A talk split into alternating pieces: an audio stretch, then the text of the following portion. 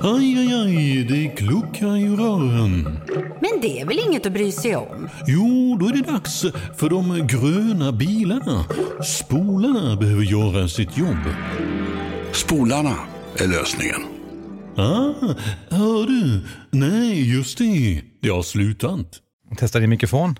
Åt du till frukost idag då? Jag åt frukost väldigt nyligen här. Han är mycket mer low pace än vad jag är, märker det? Han är mycket lugnare. Det är såklart. Det är mitt trade att vara lugn Soft. under pressure. Hörni, är ni klara eller? Ja, tack. Ja, ja, ja. Det här är Fighterpodden. Ladies and gentlemen, we are. I'm not surprised, motherfuckers. Touch gloves. Get ready for war. Uchimata! And ladies and gentlemen, the mauler, Alexander Gustafsson. Oh my God! Double leg. He just got double leg. I'm gonna show you how great I am. Alltså det är ju den bästa stunden på hela veckan. Eller Hansa? Ja, och det är, så är det Mårten. Eh, Och det är mycket tack vare dig. Tack, tack. Det där är Hans Wiklund, det där är Simon Kölle. Yes. Yes, det här är Fighterpodden och jag heter alltså Mårten Söderström. Vilket avsnitt är det här nu Hans, vet du det? Eh, I ordningen så är det, jag måste läsa till.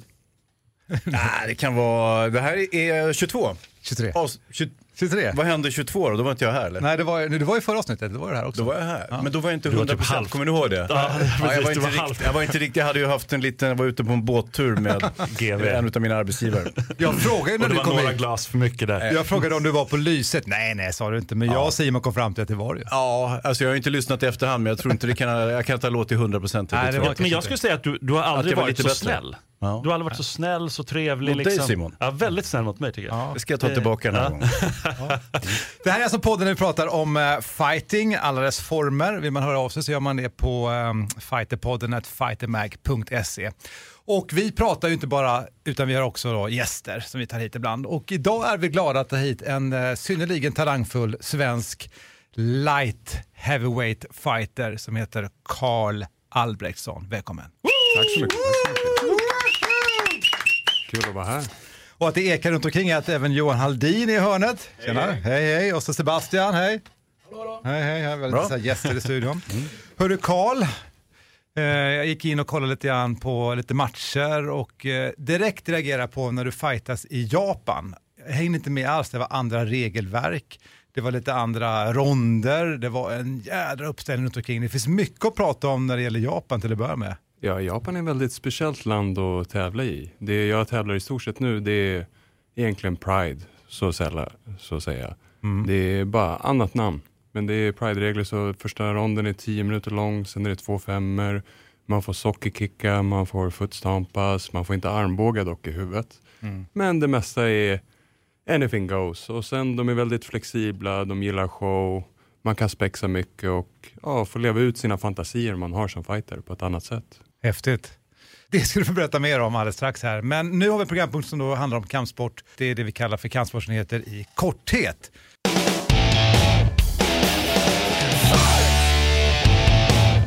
Simon Kölle, scenen är din. Yes. Ja, vi kommer behöva gå in på det Karl, att uh, din uh, klubbkamrat och kompis uh, gick ju sitt livs, alltså en riktigt stor match mot Ben Askren och förlorade den. Hur, hur såg du, vart såg du den? Såg du den live? Jag såg den live, jag såg den hemma hos mig, jag köpte pay per view och kollade, men alltså, han mötte Ben Askren. Det är topp, topp välteviktare och det är topp, topp brottare. Det är så här, ja. Han har en enorm brottning alltså. Det var, han slängde runt Sebastian, det var inte klokt att se. Alltså. Ja, men Sebastian har mycket hjärta och ändå hålla ut 10 minuter och bara i stort sett bli poundad på. Så Mm. Han kommer lära sig från det här och bara, det är bara att ta nästa match. Det är inget att deppa över.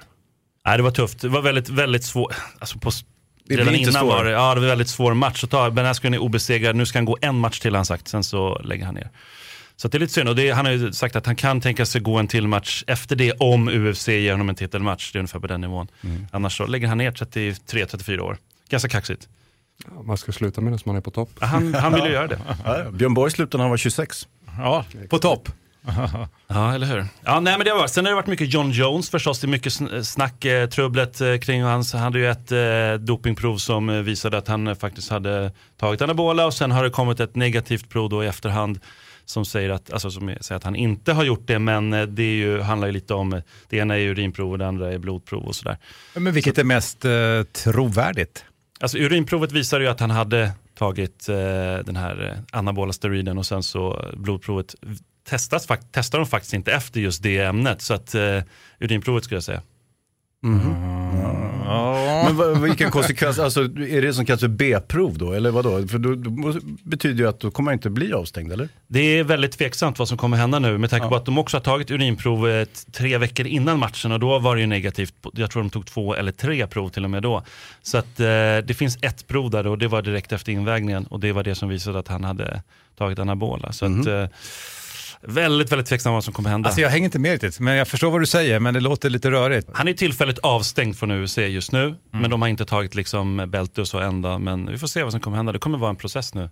Så, och det, är ju liksom, det blir spiken i kistan för honom. Om han åker fast nu, eller åker dit på den här, då är han ju helt Men man hanterar ju lite snabbare i UFC än, än i till exempel elitskidåkning där, där eh, så det tog ett år att utreda huruvida hon hade tagit eh, eh, den här steroiden eller inte och sen så vart hon fälld. Ja. Ja, men, och nu är det ju också lite, det är ju klart eh, mycket fler prov och sådär. Hur är det för dig Kalle? Får du ta massa prover så i Japan? Hur är det där? Det är urinprov direkt efter match. Så ja, det är normalt. För annars är ju Japan känt för att där, där är det inga prover. Folk är liksom ganska used. Stämmer det eller var det, är det in the old days liksom? Jag tror det är mer the old days. Nu alla testas. Så, ja. Det är skönt, det är väl bra eller? ja, alltså det ska, Det är rättvist. Ja. Det ska vara så. På med att vi ska ta upp en gång i podden om vi nu orkar. Vi måste reda ut det här, för jag tror att det också är så här vad det är ens man fälls för i doping. Alltså du vet, någon sa dricker du en Red Bull så får du utslag för det och sådär. Ja, det kan vara kul att veta för de som lyssnar. Kan det säkert vara. Det, det, Då behöver vi expertis här tror jag. Ja, jag, bara, jag ska inte spekulera, Nej, jag jag tänker, vi tar hit Johan en- kanske? Johan. Thank you for playing. Ja. Mycket kunnigare personer. Ja, det finns Ja. kunnigare. Det är bra. Ja, nej, men sen är det, ju- har det varit bråk inom Black Zillions. Där är det den tidigare ägaren, har, eller nuvarande ägaren har stämt den tidigare ägaren, Henry Hooft. Eh, Det är ju, bråk i klubbar är aldrig kul och det är, ibland går så långt så att det blir stämningar och så. Vi har haft det lite, alltså, vi har varit ganska besparade från det i Sverige med bråk, stora bråk i alla fall, klubbar som har kommit ut sådär.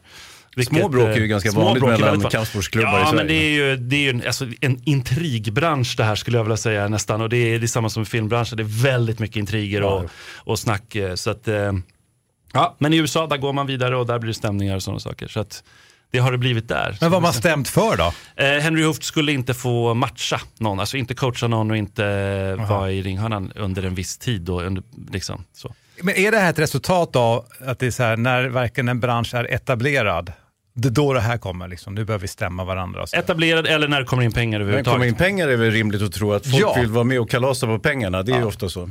Det, det, folks sanna sida brukar komma fram när det är pengar inblandat ofta. Då kanske Det kommer vet du om Hans, höll jag på att säga. Jag har ingen aning. Pengar? Herregud. Jag har så mycket pengar så Jag måste försöka ge ett, liksom, Men det gick inte Simon. sockerpunches. Eh, ja, sen har Sandra Godvik eh, blev nordisk mästare i K1 under den här tiden. Då. Eh, Fight Night Bergen eh, gick hon sin faktiskt första proffsmatch och då blev hon eh, nordisk mästare K1 eh, mot Am Rosmo. Eh, ja. Jag vet inte riktigt exakt hur, hur bra det är, hur många tjejer det finns i den viktklassen och så där, men det brukar betyda någonting och hon är ju väldigt bra fighter. Så att, eh, Har du koll på damfighterna i Sverige? Jag har generellt väldigt dålig koll på fighting generellt tycker jag. Jag följer inte UFC så mycket och sådär. Så Wow. jag, jag kollar bara på det som kommer upp på min Instagram-feed i stort sett. Men ni har väldigt bra fighters på Pancrase också, eller hur? Alltså damfighters, där finns det, Det flera har, stycken. vi har många väldigt duktiga damfighters som går shootfighting-matcher och etablerar sig mer och mer i Sverige. Någon speciell du tänker? Vi har Filippa, vi har Fanny, vi har några fler namn. Som, ja, de kommer att träna till och från och sen kör de matcher. Vi lägger det här på hyllan tycker jag för Karl sen när vi Ja. kommer tillbaka i din del i podden här, för det här var intressant. Jätteintressant jag. Tittar inte så mycket på UFC. Okay. Nej, men alltså det finns ju elitidrottare som är helt ointresserade av att titta på alltså, annan idrott till exempel. Så det är inte så konstigt egentligen, se. utan man är fokuserad på sitt. Exakt. Plus att det är ganska mycket just nu. Kommande då, lite framåt, då ska vi säga att det är Ilir, Ilir, Ilir. Nu är det bara det vi, vi taggar för. Peppade för helgen. Han kommer gå en riktigt tuff match mot Tyson Pedro, 6-0 i rekord som eh, aldrig har lämnat första ronden annat än som segrare över matchen. Så att eh, det är en riktig tuffing som han möter, men å andra sidan, Ilir är en tuffing. Ilir är en tuffing och Ilir har mer erfarenhet. Om den andra killen har inte ens gått över första ronden. Då är han, Ilir hans första stora, riktiga, tuffa test. Så det kommer bli väldigt intressant att se då hur han hanterar det och Ilir hanterar en ung up and coming kille.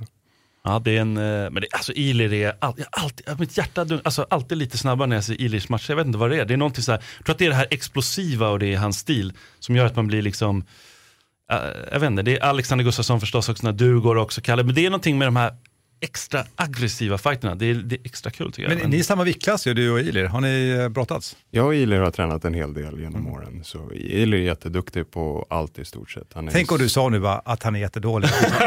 Ja, då, skulle det Ilir leta reda på inte mig. bra nej, Stockholm är litet liksom. Vilka rubriker va? Äntligen! Nu jävlar lyfter podden. Nej, skitsamma. Ja, Ja, nej ja. men eh, visst. Jag, jag, är ju själv, jag gillar ju brottare väldigt mycket liksom, så att, eh, jag gillar Ilje bara därför. För att Ja. han, han var ju jättebra brottare. Liksom. Ja, hoppas det går bra. Ja, nej, men det blir en, över, överlag blir den galan 215 nu som kommer till helgen Förhoppningsvis blir den bra. Mighty Mouse, nu ska han komma med ett nytt smeknamn. Han kommer ju gå match mot Ray Borg i och flugvikten. Eh, vad tycker ni om den? Han är ju väldigt dominant i den viktklassen. Är, är han pound för pound bäst och är det kul att se? Alltså jag tycker det är svårt med det här pound för pound bäst. Egentligen om man vill ha reda på det, ta bort alla viktklasser egentligen. Men alltså, han är ju duktig och kör över de flesta av sina motståndare. Så. Alltså, jag tycker han är helt fantastisk. Men alltså, det är lite roligt för min tjej tittar aldrig på fighting, men så såg vi någon sån här UFC.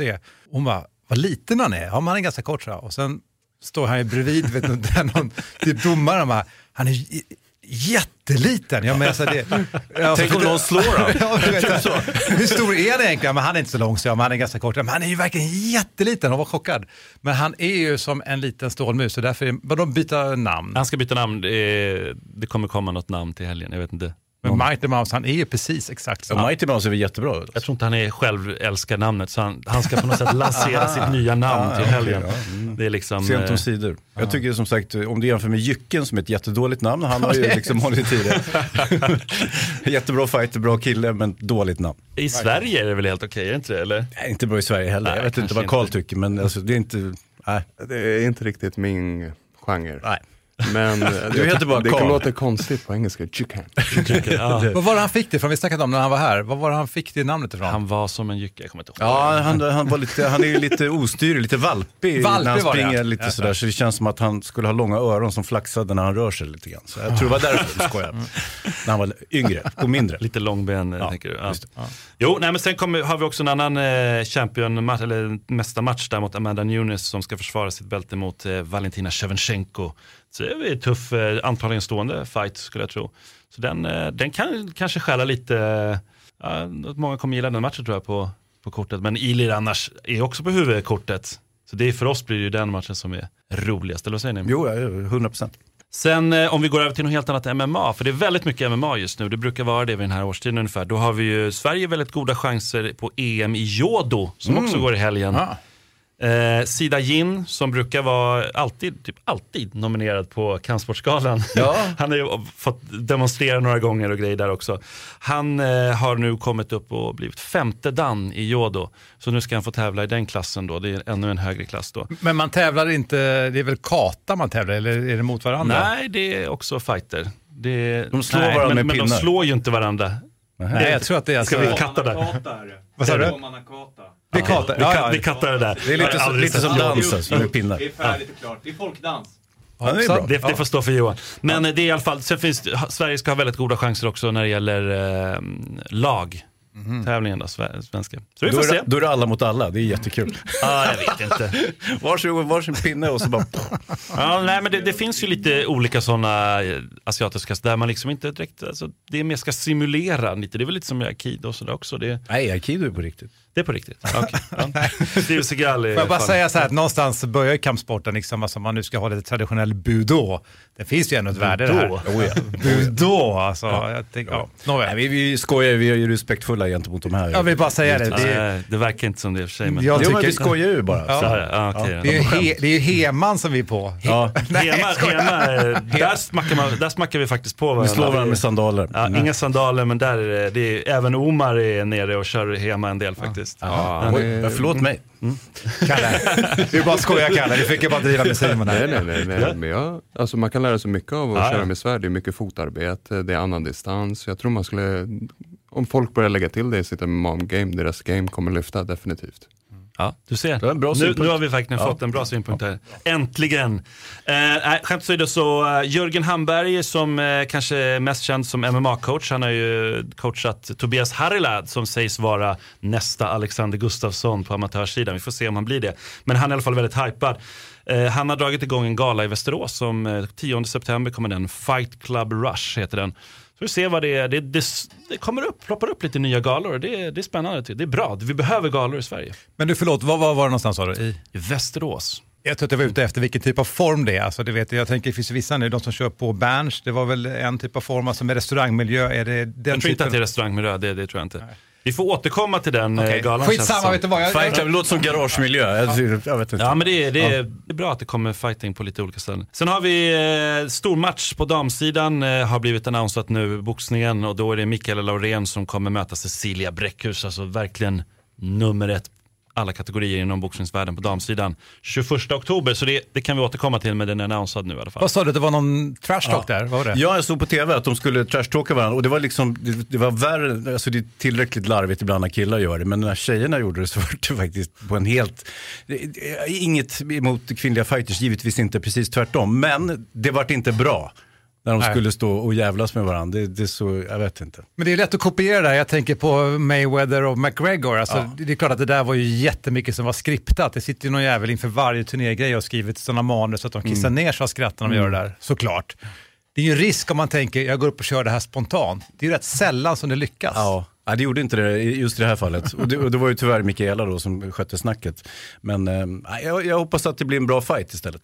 Det blir det säkert. Bombardier Arena har jag kollat upp nu att den heter i Västerås. Det var det! Jag har en liten eh, nyhet också. Alltså, eh, Mårten och jag gillar ju brasiliansk jiu Ja. och, och det är en superfight i Amsterdam på lördag. Eh, Emad Omran går mot en kille som heter Omar, en fransman tror Just det. jag. Eh, superfight. Det tror jag kan bli intressant och det är en vanlig turnering också. När, när det blir superfight, är det för att den är så pass eh, hög profil eller vad är, liksom, vad är definitionen på det? Att jag tror att man kan blanda bälten lite och kanske vikt och sånt där. Jag, jag, vet, jag, vet inte riktigt vem den andra killen är så att säga. Men jag vet att Emad har blivit graderad till brunt precis och jag tror att turneringen är upp till lila på något sätt. Så att det, Mhm. ja, därför en superfight. Och eh, vad, vad är liksom, om, om Emad tar det här, vilket vi hoppas, vad, Mm. vad, är, det, är det prestige, är det mycket pengar? Pengar. Pengar? Vad får de? Det vet jag inte, men det är, det är ju inga MMA-pengar, men det är ändå någonting antar jag. Han har varit här, han är en riktigt talangfull kille alltså. Emad. Ja, han är trevlig. Var det allt? Alles! Aj, aj, aj, det kluckar i rören. Men det är väl inget att bry sig om? Jo, då är det dags för de gröna bilarna. Spolarna behöver göra sitt jobb. Spolarna är lösningen. Ah, hör du? Nej, just det. Det har slutat.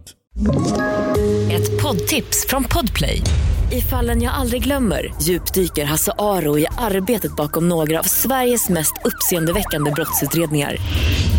Går vi in med hemlig telefonavlyssning och, och då upplever vi att vi får en total förändring av hans beteende. Vad är det som händer nu? Vem är det som läcker? Och så säger han att jag är kriminell, jag har varit kriminell i hela mitt liv men att mörda ett barn, där går min gräns. Nya säsongen av Fallen jag aldrig glömmer på Podplay. Yes. Ja.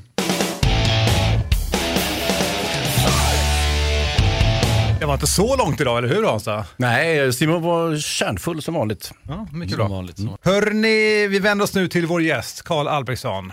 Yes. Vi kommer tillbaka till första frågan som jag faktiskt skrev ner förut. Då. Du tittar inte så mycket på fighting. Jag har ingen vidare koll, sa du förut, på fighters eller fighting. Är det så? Det är så mycket UFC numera idag så jag hänger inte med.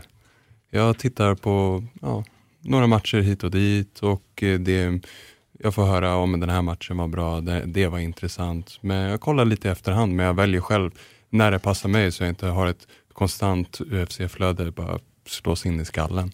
Utan jag utövar ju också, jag tränar ju så mycket så det kan bli för mycket, jag blir less på det. Så jag fokuserar mer på mig själv och eh, ja, jag försöker utveckla mig själv. Men har du några andra intressen förutom fightingen? MMA alltså? Nej, jag fightas, jag jobbas och umgås med promiskuösa kvinnor. Det älskar vi! Ja, bra! Ja, riktigt bra. Var bor de? Men jag är- är internationell. du jobbar, i- jobbar internationellt också. Men är det inte så, det här måste vi få bekräftat nu, när du kommer till Japan, för den typen av, kulturen i Japan måste ju högakta den typen av fighter. Du är stor, du är från liksom Skandinavien, vikingakulturen. Du säger själv, jag har läst någonstans att de står och väntar när du kommer till hotellet, du ska ge autograf och sådär. Ja, Det är, alltså, från mig som är bara egentligen från Stockholm och från Sollentuna, det är helt ofattbart att de här människorna tittar på mig på det här sättet som de gör. De verkligen värdar mig för att ja, jag kan fightas och eh, de behandlar mig som jag vore en livslevande samuraj. De står och väntar på mig i lobbyn, de ger mig gåvor. De ber om saker, de tar en bild och bara jag kramar dem. De blir så här, det är inte vanligt med närkontakt på det sättet. De, de börjar skaka, de vet inte vad de ska göra. Så man, när man väl är där, man är superstjärna på riktigt. Och sen man kommer hem, ingen tittar på en. Så det, är det är kontrast från båda världarna. Så, Fast utifrån det här promiskuösa du sa, det måste ju finnas en annan groupie där då ju. ja, de står och väntar. Det är härligt! Ja, det är bra. Vad ska det bli av MMA-fighter hörni? Mm, man skulle ha blivit det. Ja. Men, Så dags nu. men för att komma tillbaka till det här du sa förut då, apropå namn eh, och fighting. Jag tänker två namn så ska du få reflektera. Det jag tänker på är ju Fedor um, Emelianenko. Är det relationen med honom? När jag åkte först till Japan, då mötte jag ju en av hans killar i den första matchen. De tog in mig som jag skulle vara kanonmat för han. Men jag lyckades vinna den och då ville de bygga vidare för här i Japan, de försöker göra typ lite så här pro wrestling grejer. De försöker göra karaktärer, drama, en hel så här rullande show. Ja. Och då ville de att jag skulle, ja, då fick jag möta en av hans killar igen. Tyvärr så gick det inte min väg, men inför den här matchen så bombade de mitt huvud att vi ska döpa dig The Russian Hunter. Fedor, han gillar inte dig. Fedor, du ska möta Fedor efter den här matchen. Så jag tänkte bara, ja men det, ja, det låter ju... Det låter sporrande. pirrigt. Ja. The Russian Hunter, det är ju jättebra namn. Bra, det behöver, Ja. precis vad vi behöver i det här Ja. landet. Ja, eller hur? Snart, det är jag som håller Putin borta. Så Ja, jag är jag här, tänkte, jag undrar varför han inte var här idag. Ja. Men har du träffat Fedor? Jag har träffat Fedor, jag skakar hans hand och grejer. Men han, hans aura utstrålar iskall mördare. Det är så. och, ja, det är inte direkt killen man känner att man vill gå och bara, ah, men tjena. Dricka te med. Jag tror det skulle vara en väldigt stel konversation. Ja.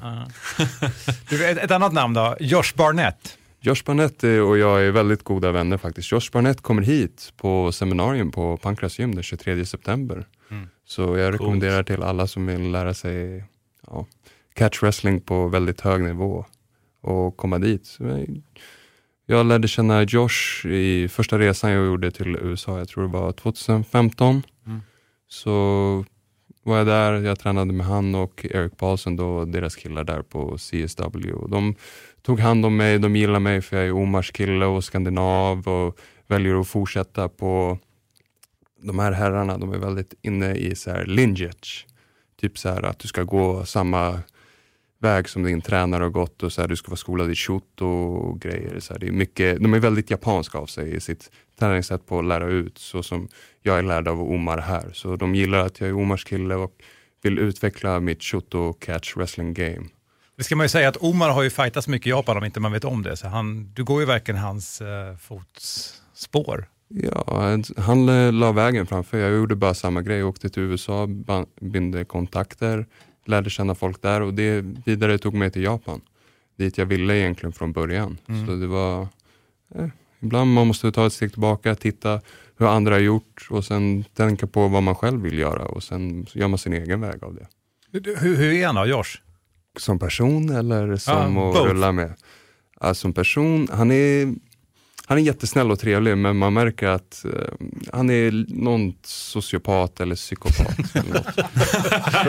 Jättegod vän. Ja, det är lustigt. Hi Josh, yes, he's here, yeah. Ja. Nej, men det är ju ett karaktärsdrag som går, i, går igen i ganska många i branschen, så det, är- det är inte unikt. så. Nej, men han är supersmart också. Det är det som är så här, det är skrämmande för vi, när vi har väl har tränat.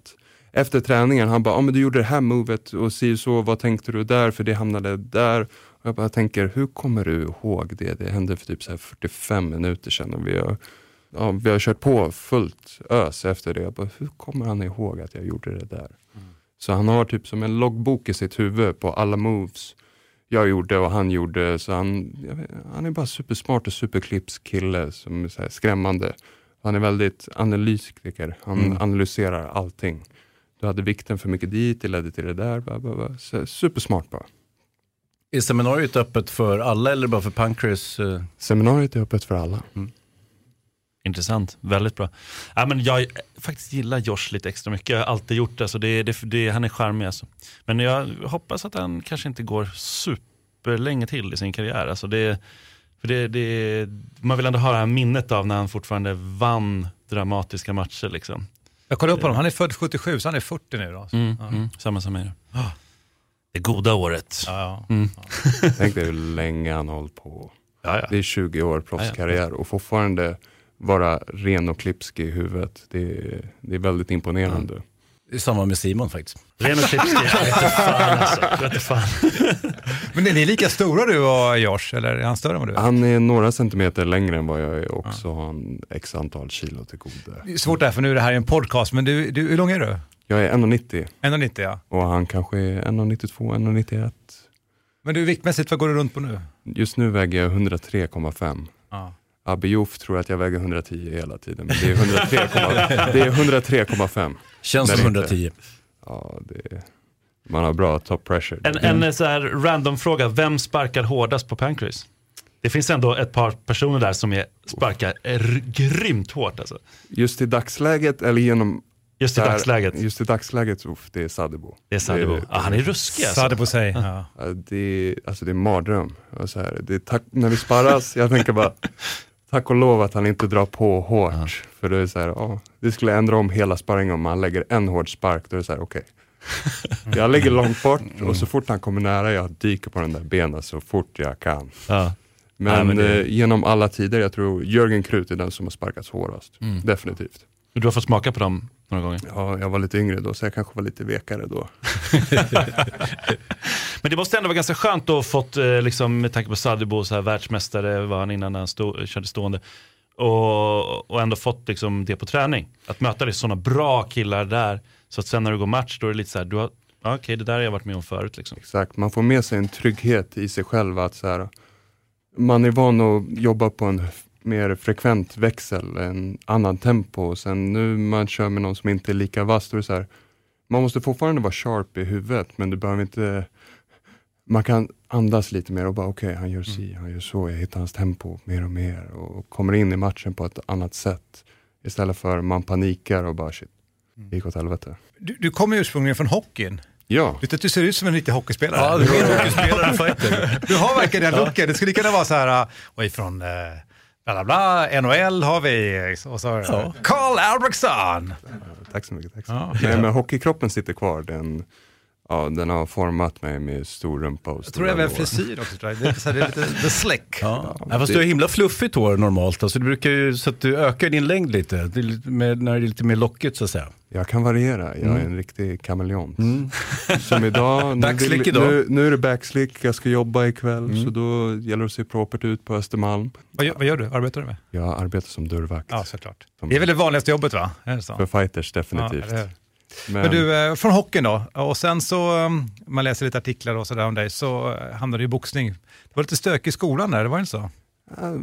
skolka lite, umgicks med, så här, ja, när man är 14, man är osäker, man hänger mest med på vad gruppen gör. Om gruppen gör något dåligt, så gör ju alla något dåligt. Så, mm, mamma var väldigt uppmärksam på det och eh, jag fick gå typ så här till samtal, jag och några andra killar och så bara frågade, vad vill ni göra? Bara, "Eh, alltid vill jag testa att boxas. Bam! Gick vi till boxningsklubben, började boxas och bara, jag är frälst. Ja. Så bara fastnar man helt. Så jag tror ungdomar idag, de behöver bara någonting de gillar att göra på fritiden. Har, har de för mycket fritid, nu så här, ni är barn. De ska bara ha någonting att göra oavsett, ja, ockupera deras tid. Då har de inte tid till att göra dumheter. Men får jag fråga, vad är det som gjorde att, att boxningen lockade och inte hockeyn längre? Jag har, all, jag har alltid varit dragen till eh, fighting och boxning. Jag är uppväxt med två bröder, så vi är tre bröder totalt. Och vi, ja. det var slagsmål konstant hela uppväxten. Och pappa hade Rocky-filmerna inspelade på VHS. Bra programmering. så det, är bra. det är nog pappas fel att man är här idag. Hur var du som hockeyspelare? Var du ruffig eller? Jag var storback, jag kunde passa, jag kunde åka skridskor bra och tacklas, men jag kunde inte skjuta slagskott. Ah. Aj. men många, många pratar ju också om din brorsa. Så, Ludvig? Ja, ja Ludvig, precis. Det är så här, vilken enorm talang han är. Jag har ändå hört det nästan, för varje match du vinner så har jag, ja men han, hans brorsa är nästan alltså ännu mer talang. De har liksom, men han går inte matcher, vad är grejen där? Vad händer? Ludde har haft skadeproblem med knäna i cirka två år nu, så det har blivit så bra, så det har gått upp till andra knät, så det har blivit samma knä. Nej, så det är en lång process han har varit borta, men också det är någonting man växer av. Mm. Så det, det är en mognadsperiod för han. Och sen liksom, han har ju varit tillbaka och tränat. Och så här, han säger själv, det är inget som så här, har tappats. Jag snarare bara så här, herregud. Jag har inte rört på mig ett halvår, jag går ner och fortfarande drar ut alla. Så han, när han väl börjar tävla igen, han kommer bli ett monster. Hur bra är han då? Alltså vilken kapacitet har han? Jag, säger så här, jag har tur att jag har 10 kilo på honom.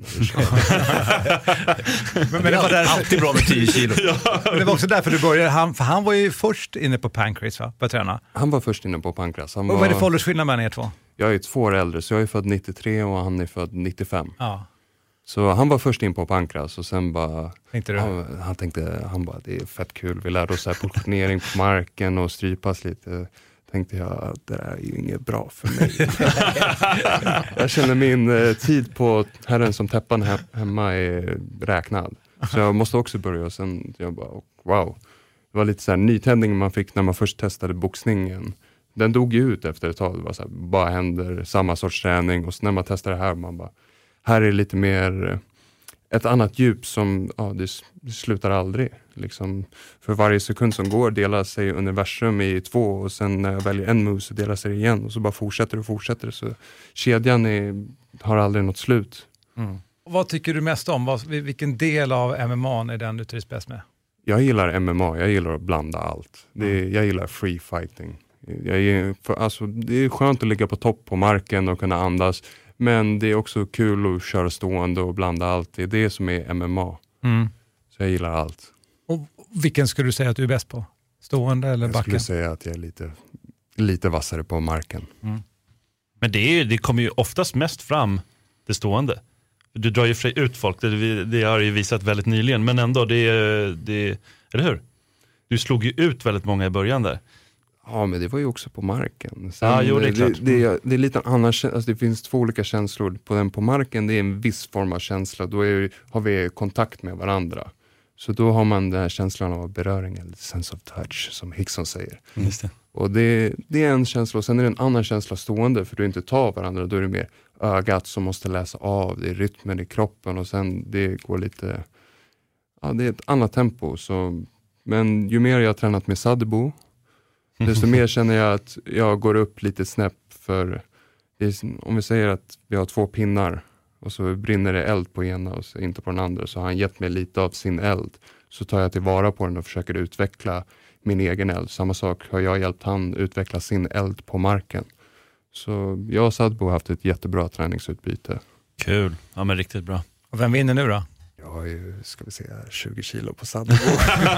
han är extremt stark, han är starkare än tungviktarna jag har kört med. Så Sadebo är ett freak of nature på riktigt. Men han är spännande. Han är också så här, när han började komma ner lite i kroppen, alltså då, då började han bli jäkligt vass. För i början var han ganska upprätt och då kunde han ändå, då kunde folk ta ner honom. Sen när han började liksom, när det blev bättre, kanske var med träning med dig då, bland annat, då, då började, nu, för nu ser han ju alltså, ut som ett monster, sist i, i, i Superior också. Då, det såg väldigt snyggt ut där. Jag kan säga att det är stor skillnad från Sadebo på Superior och Sadebo nu. Det är så, han ökar hela tiden så mycket. Han blir ah, bättre kul. Vi ska inte tiden. prata om honom när han inte ens är här, men, men också han, har blivit, han ser ju bättre nu. Han har ju haft jätteproblem med synen. Så ja. Han har nog linser nu så han, mm. kan, han kan se någorlunda bra i alla fall. Han ja. sa att han kunde sitta i soffan och titta på TV. Ja. Inte... Men alltså kan han brottas med linser? Nej. Jo det kan man. Man kan, kan, alltid, fightas, man kan fightas med linser. Ah. Men jag har alltid varit förundrad över hur han kan träffa folk eftersom man knappt ser dem. Men Det... Ja, du förstår vilken skillnad är game om inte han kan se innan och nu kan se. Ja. Ja. Vi får ta hit honom någon gång. Ja, det får vi det- garanterat göra. Men hade, ja, okej, jag har mycket frågor där. Vi, vi, vi sparar dem. Men jag har två grejer. Ett, jag tänker i och med att du tränar under Omar, det är lite grann som att du är Omars prote- protégé. Alltså, han har ju tagit hand om dig sedan du var 15 eller? Jag har tränat, det här blir mitt tionde år, Ja. nionde år, något sånt där under Omar. Och jag vet att du pratar väldigt gott om honom och tycker att han är en väldigt duktig instruktör. Jag tänker att du går i hans fotspår, du har varit i USA, du har varit i Japan nu. Skulle du säga att du är lik honom i stil, hans fighting-stil? Både ja och nej. Allt i stort sett jag kan, det är ju Omar som har lärt mig eller haft någon form av vinkel på. Men sen också, man har ju sin egen kropp och sitt egen temperament och sin egen själ så att säga. Så ändå, det, kunskapen han gett, jag har ändå fått forma det själv. För han kan bara hjälpa mig till en viss punkt. Men i slutet av dagen, det är jag som måste känna själv och säga, okej det är så där han menar med att ha vikten så och sen det är jag som måste hitta mig själv. Så det är ändå så här, min stil är unik ändå. Det är, någon sa förut på Pancras, jag gör min egen stil inom Omars stil. Typ lite ish, det är inte så här långt ifrån tänkt men man måste hitta sig själv. Det är det, det allt fighting handlar om i slutet av dagen. Man är uppe där i ringen, man är ensam. Mm. Så jag hittar min stil, det jag är bekväm med. Och, ja, Omar är en sån pass teknisk, duktig och kunnig tränare så han kan ju allt. Så han hittar det som passar bra för min kroppstyp och vad han känner att jag har mina styrkor och mina svagheter. Mm. Hur skulle du säga att Omar är när det gäller liksom att, alltså vissa tränare kan ju liksom hylla en fighter nästan så här för mycket, liksom så att det blir så här, ah, men jag fick ju bara ja där. Men Omar är väl ganska känd för att det, det, är, liksom, det, är, det är en eh, brunn som aldrig tar slut någonstans. Det, är liksom, det finns alltid nytt att lära sig. Är, det, är han så, eller är, hyllar han dig också mycket? Liksom? Får jag beröm av Omar, jag går och tänker på det en vecka. Ja, så inte hela tiden alltså. Nej, nej, nej. Han, är, han är gamla skolan. Ja. Det händer ibland dock. Ja, man gör sig, när man väl får det, då har man gjort sig förtjänt av det. Men det är inte så att han går och blåser upp ditt ego i onödan. Men det händer väl ändå på många klubbar, alltså generellt sådär. Det är ändå rätt många människor som går runt med uppblåsta egon. Efter, efter, liksom, och vissa kanske med all rätta också, med, efter att ha tränat tio år på en klubb. Liksom. Vi alla går väl upp med uppblåsta egon här i Sverige och i världen. Så kan det Men, men vara. som säger, jag tror jag håller med Karl, jag tror Omar tillhör den generationen eh, som var tidiga med det här och är väldigt strikta och liksom lite feodaltänk nästan och jävligt tuffa. Eh, och då ska man inte hålla på och gulla med folk och liksom eh, pumpa upp dem. Liksom. Men, eh, eh, Tränare Sebastian Kadestam också där? Ja, det gör han. Ja, just det, för han sa ju precis samma sak när han var här. Att när han väl fick beröm från Omar, så var det ju. Jag, fick, sån, jag fick en sån flashback när jag stod här, jag fick nästan en déjà vu, det har jag hört förut. På, men det var ju Sebastian som sa det. Och det bar han ju, liksom, det var inte ofta man fick beröm, men man fick det, så var ju det någonting som man värderade. Så det ligger mycket som du säger Hansa, där, att det där är en gamla skolan, man är sparsmakad med beröm. Men tvärtom då, när han väl kritiserar dig, hur, hur, hur går du då och deppar en vecka? Eller liksom? Nej, jag är väldigt eh, bra på att hantera känslor. Jag förstår att han vill bara mitt bästa och det han säger, det ligger någonting i det och det känner jag oftast själv. Och då, tyck, då känner jag när han säger det, bra, men då fixar vi det här, vi utvecklar det. Det är, så här, det är inte att jag går och bara, fan säger han liksom? Vad dum han är. Vad elak han är. Nej, men utan det, man, får ta, man ska ta lätt på sig själv. Bara, ja, vet du vad, du har rätt, jag torskade. Bara, ja. Man får bita det sura äpplet, bara börja om på ny kula. Efter din förlust, eh, som var deppig, den var förstås väldigt tung, förlusten där i Japan, eh, för då har vi två vinster och en förlust där. Två vinster och en förlust. Precis. Och då, då ändrade du, jag har hört någonstans att du ändrade lite så här ditt, ditt psyke efter det, att du var tvungen att liksom ställa om och sådana saker. Kan du berätta lite om vad, för du blev lite mindfuckad där om jag får säga så, innan den matchen, eller hur? Eh, ja, innan den matchen så åkte jag faktiskt till USA och tränade med Josh och Eric och där i USA hade jag oturen också att bryta av min hand. Oh, okej. Det är ingen Så- bra uppladdning. Nej, och det var, det var fyra veckor kvar till match och det här var min livschans. Så jag bara, äh. jag tränade på där som vanligt, eller försökte. Det, det var rätt svårt att boxas. Höger eller vänster? Vilken hand? Vänster hand. Ja. Så när jag kom hem fick jag gips två, tre veckor, tog vi av den och sen ja, efter vi har tagit av den två dagar senare, vi åker till Japan. Oh, wow. Och det här var första gången jag tävlade i open weight. Sen jag tävlade, när jag tävlade i shootfighting, då körde jag tungvikt. Men det här var lite annan kvalitet. Men jag gick dit, allt kändes bra. Fast när vi väl kom till arenan, jag kände mig man ska vara känslokall och tom på ett sätt, men det här var lite för extremt. Jag kände mig väldigt kall. Jag vet inte, det kände, man kände sig bitter nästan innan matchen. Och sen när det väl hände så det kändes som jag alltid var tvåa på bollen, så att säga. Mm. Och efter den här matchen, jag kollade den på nyligen faktiskt. Jag har ett minne av att jag gör mycket mindre och jag blir träffad mycket mer. Men när jag väl såg den, jag, ändå helt okej insats från min del tycker jag. Men ja, jag fick det hett om öronen direkt i omklädningsrummet av Oma. Jag fick en rejäl utskällning. Och sen efter det jag gick tillbaka, tittade om, vad, som, vad kände jag att, vad hade det gått snett någonstans? Jag tänkte, träningen gick jättebra, konditionen kändes jättebra, sparringen kändes jättebra. Det var bara på matchdagen det kändes lite knas. Så då, då, det satte i huvudet bara. Och nu jag känner att jag har åtgärdat det problemet och sprickan som blev, den har växt ihop och nu har det blivit flera lager på den där och jag har insett delen av att det mentala måste vara rätt, det fysiska måste vara rätt och att det spirituella måste vara där. Hur jobbar du med det spirituella? Ja, meditation. Mm. Och jag är väldigt inne i så positiva affirmationer. Så jag kan gå och snacka med mig själv och sådär och säga vad jag vill dra till mig för saker i mitt liv. Typ så här law attraction grejer. Det är lite Conor McGregor, han är... Ja, ja. men det sjuka är att det funkar. Mm. Det är det. Och så nu när jag känner att jag använt mig mycket av det, det bygger ett självförtroende också när jag står på morgonen och snackar i spegeln med mig själv och berömmer vilken fysisk atlet jag är. Och snygg jag är och stark jag är. Är som Hasa gör likadant. Han gör lite likadant. Men, men det, det, Omar kommer inte säga det där så det är bättre att du gör det själv. Liksom. ja, vad roligt. Men det där är ju helt sant och då får jag fråga sig utifrån din äh, affirmation nu, den här målbilden. Vad, vad, vad står du liksom när du är klar med det här nu då? Just nu, jag det finns långsiktiga mål och det finns kortsiktiga mål. Det mm. kortsiktiga målet nu det är att vinna nästa match och det är allt jag går och pratar om med mig själv. Att nästa match, jag gillar att utmåla mig själv som en gud eller en hjälte eller som guden Herakles som har kommit ner från berget Olympus för att göra mina sju underverk och hit och dit och sådär. Det bygger en annan sorts styrka vi har inom oss människor, att vi vågar tro på något annat. Det är därför många fighters är väldigt religiösa av sig också. Man får en speciell styrka att orka fortsätta. Men just nu, jag fokuserar på nästa match. Och när är nästa match då?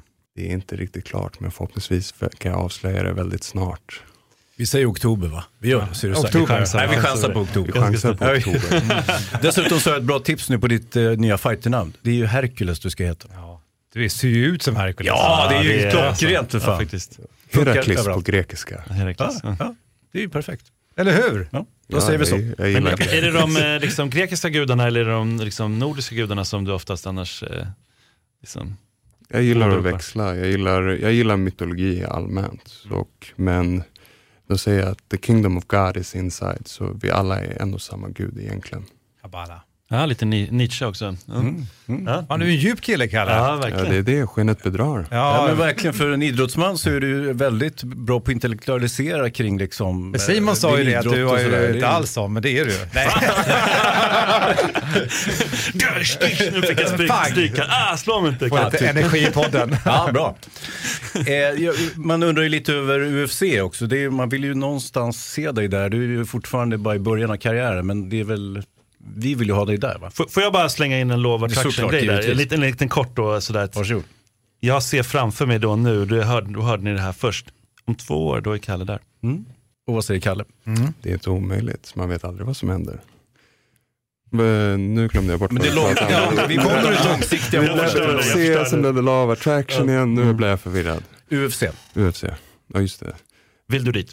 Ja, det är klart jag vill dit. Det är där man bevisar att man är verkligen bäst i världen. Om man har det där UFC-bältet eller är där Alexander Gustafsson är just nu. Och alltid så här, bara ett, precis utanför hans räckhåll. Ja, men ska man vara lite krass, alltså, ärligt nu, lätt tungvikt UFC, det är ju den svagaste divisionen. Ja, den är, ja. Alltså, jag tycker det är väldigt bra toppen saknas ju kanske, men, men de är ganska bra de som är bra. Ja, det finns, det finns väldigt bra kompetens utanför UFC-divisionen ja, också. Det är bara jag menar, men det finns en chans för dig att komma in där, att du skulle kunna... Med ditt, ja. ja. när jag väl kommer in där, det kommer gå snabbt. Mm. Det tror jag också. Men ja, min dröm har alltid varit att tävla i Japan och ja, kunna göra en karriär där. Sen, jag är 23 år gammal, jag har just nu sju proffsmatcher. Jag känner inte den här stressen att jag måste gå till UFC nu, nu, nu. Mitt mål är inte att komma till UFC, mitt mål är att vara bäst i UFC när jag Mm. väl är där. Och då kan jag göra den resan ja, på bara kanske två år. Men just nu jag behöver några år utanför och få exponering och få lära mig och få erfarenheter. Den här matchen gick jag senast nu var inför 16 000 personer och den sändes på 5 miljoner hushåll i Japan såg matchen. Wow. Så det är så här, man lär sig vara på den stora scenen och Mm. man lär sig vara en stjärna. Ja, det tycker jag nog. Ja, verkligen, verkligen. Ja, du har en plan. Ja. Men det här Rising, du är kontakterad för Rising, eller hur? Yes, det är Är det okej betalt eller? Ah. Man känner sig inte som en stjärna om man inte har betalt, så det har han då. Det är väldigt bra betalt. Jag, Dock känner jag mig inte bekväm att diskutera siffror i det här Nej, det forumet inte för alla. Nej, du behöver inte berätta, säg bara till Han är stenrik! S- Säg bara till mig vad du har. Nej, men jag Vi- tänker... vi, vi tar det utanför det här rummet. Nej, men när man, så här, när man kontrakterar, finns det någon garanti hur många matcher man får? Jag har garanterat tre matcher till just i Ryzen. Just Sen får vi se. Allt beror på i Japan. Vinst och förlust är inte så viktigt. Där är det underhållningsvärde och Mm. show som är viktigt. Så Hercules, va? Bara, exakt. Så bara går du in och Ja, du vill jag ha fler matcher, jag kan alltid bara gå in och tok-veva och det skulle de älska egentligen, men det skulle inte nog vara så bra för min hälsa. Men då skulle jag definitivt få komma tillbaka. Så det gäller att kunna blanda showmanship, smarthet och eh, ja, i slutet av dagen det här våldet som man utövar ändå. På en, röra ihop till en bra mix. Du, jag börjar med att prata idag att det är andra regler. Eh, Jag kan inte exakt nu, men det är först är det 10 minuters rond och sen är det 5 minuter och 5 minuter. Yes, det stämmer. Eh, det- Bara att träna inför det måste vara ganska annorlunda. Alltså 10 minuter är jävligt lång tid. Det är väldigt jobbigt 10 minuter, men jag gillar den här 10 minuters ronden för att om vi kollar UFC, vad händer efter fem minuter? Det är oftast någon som får en nedtagning. Mm.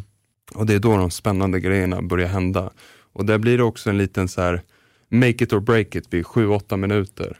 Kommer du vända eller kommer du bryta? Så det, är så här, det lägger upp för mer avslut i matchen så att säga. Mm. Ja, det är ju det är en smart tanke. Och... Och sen för att träna för det, det, det är bara att ändra om. Första ronden kommer vara 10 minuter, det är mental förberedelse på det och börja köra längre ronder och hitta den här avslappningen i sparringen i matchen. Att man inte går in och okej, jag måste tänka lite nu i början här. Jag kan ta några andetag och ändå vara explosiv och aggressiv utan att bränna ut mig själv. Och regelmässigt då, vad är det för skillnader? Eh, I Rising MMA Rules så är det inga armbågar mot huvudet, såvida inte båda går med på det. Men det är armbågar... Alltså innan matchen? Eller? Ja, det bestämmer man innan matchen.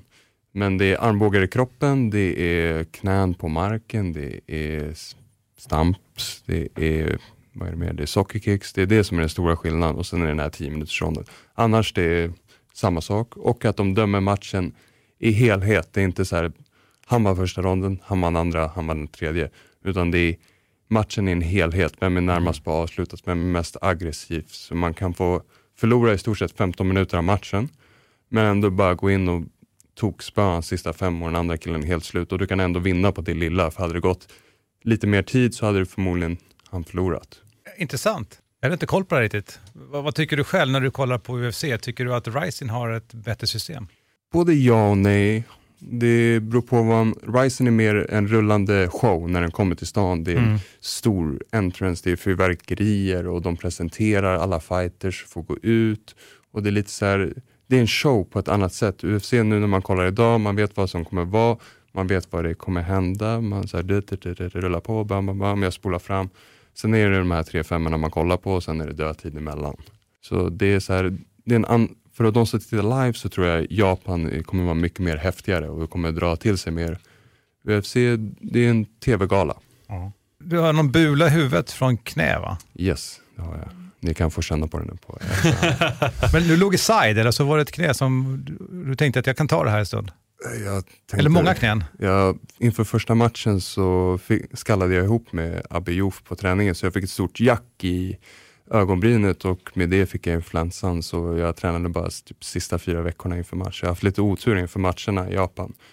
Så när det väl hände så tänkte jag, uff, jag måste vila lite, jag blev jättetrött här och så då blixtrade det till i huvudet några gånger och då fick man en bula i efterhand. Vadå, jag fattar inte. ja, men blev träffad helt enkelt. Ja, Ja. men eh, vad... Bula. Är det skumt där? Men jag, menar, jag tänker på Kadestams vinst där också, i- vinsten där i One. Eh, då knäna var ju liksom det, det var helt avgörande där i den matchen. Alltså det ändrar ju om hela gamet på marken på ett annat sätt också. Det betyder ju också att den som ligger underst, om någon ligger i min gard, att jag kan börja sparka dem underifrån i huvudet. Så det öppnar upp en helt annan dynamik Mm. på marken som, ja, som inte är så utforskad än. Eller den är utforskad på ett sätt, men nu, nu i dagens läge, nu alla bara okej, men jag tar guard, jag passerar dit, sen jag tar side och mount. Utan här det kan bli... det här är väl annat. lite mer realistiskt helt enkelt? Ja, ja, det är lite mer friare. Ja, vad spännande då. Du vill inte säga när nästa match är, men vi lär ju få veta det här i Fighterpodden. Eller, Det kommer vi absolut. Ja, det kommer på Simons nyheter. Såklart, såklart. Men Kalle, Kalle, om du skulle få önska på det sättet som Alexander Gustafsson önskar sig Shogun under tillfälle. Om du skulle ha ön- en önskemotståndare, vem skulle det vara? Jag vill ha Fjodor. ja, det är bra. Det är Du får bra. hälsa det till honom. Ja, eller hur? Johanna men det- Haldin i hörnet där skickar Ja. in. Ja. Ja, det var en bra fråga tycker jag. Mm. Jo, men eller hur, eller hur. Men eh, ja, jag vill också höra lite, vad finns det för andra förebilder om du tittar utanför din klubb, eh, och, men i Sverige? Är det Alexander Gustafsson som är ändå så här, han visade ju vägen någonstans för alla och så. Har ni, och dessutom, har, har du tränat någonting med Alex? Jag har tränat med Alex en del för några år sedan, nu också nyligen inför den senaste matchen och ja, jag har gått till Allstars och sparras. För ja, det är inte samma klubb, det blir lite mer matchkänsla och det blir lite mer matchsparring när man är där också. Men det har gått bra för båda har fått ett bra utbyte av sparringen. Men, Men är det, är, hur känns det att köra mot honom även om det är liksom sparring? Är det så här, okej nu vet jag nivån. Liksom. Det är Att du går klart det är- därifrån och vet så här, okej där, nu har jag smakat på lite på världsnivån. Så här. Även om du inte är långt därifrån. Men så, du är ju inte riktigt Alex idag i alla fall, eller hur? Nej, men jag känner att jag är där på den Det är världsnivån ändå. Och så här, jag tänker när jag sparras med Alex, där är ändå så här, det är topp, topp, topp, topp. Ja, jag har verkligen. mött John Jones, Cormier, alla de där. Han har, Gjort bra ifrån sig mot ja, Mm. då vet man så här, okej, men jag behöver bara ha den här lilla edgen. Mm. Det är den jag känner att jag behöver. Visst, grunden är bra, men jag behöver den där lilla edgen bara för att komma lite högre. Det är det jag känner.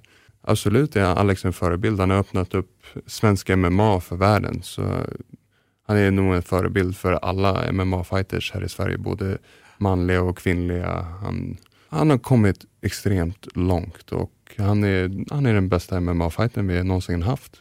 Han är den som har kommit längst. Han har, han har gjort mest matcher, han har bäst record. Han, har- han, han har upplevt allt. Han är otroligt erfaren, så han är definitivt en förebild. Men utanför Sverige så har jag kollat mycket på Hickson Gracie. Mm. Jag har tittat på Choke mer, mer gånger än någon annan tror jag. Häftigt. Det ska man ju se för övrigt, om man tycker om framförallt rulla lite grann så ska man ju kolla på den. Choke. Choke. Hörni, tiden springer iväg, rinner ifrån oss. Eh, det var sant nöje, Karl Albrektsson, att träffa dig.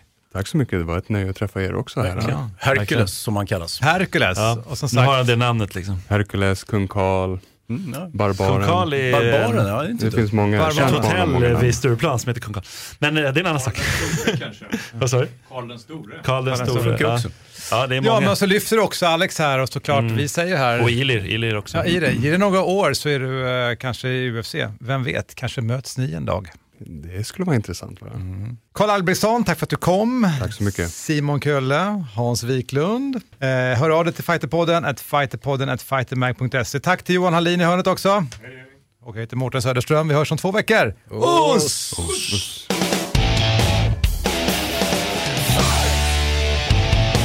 Fighterpodden produceras av Suba Media för Radio Play och Fighter Magazine.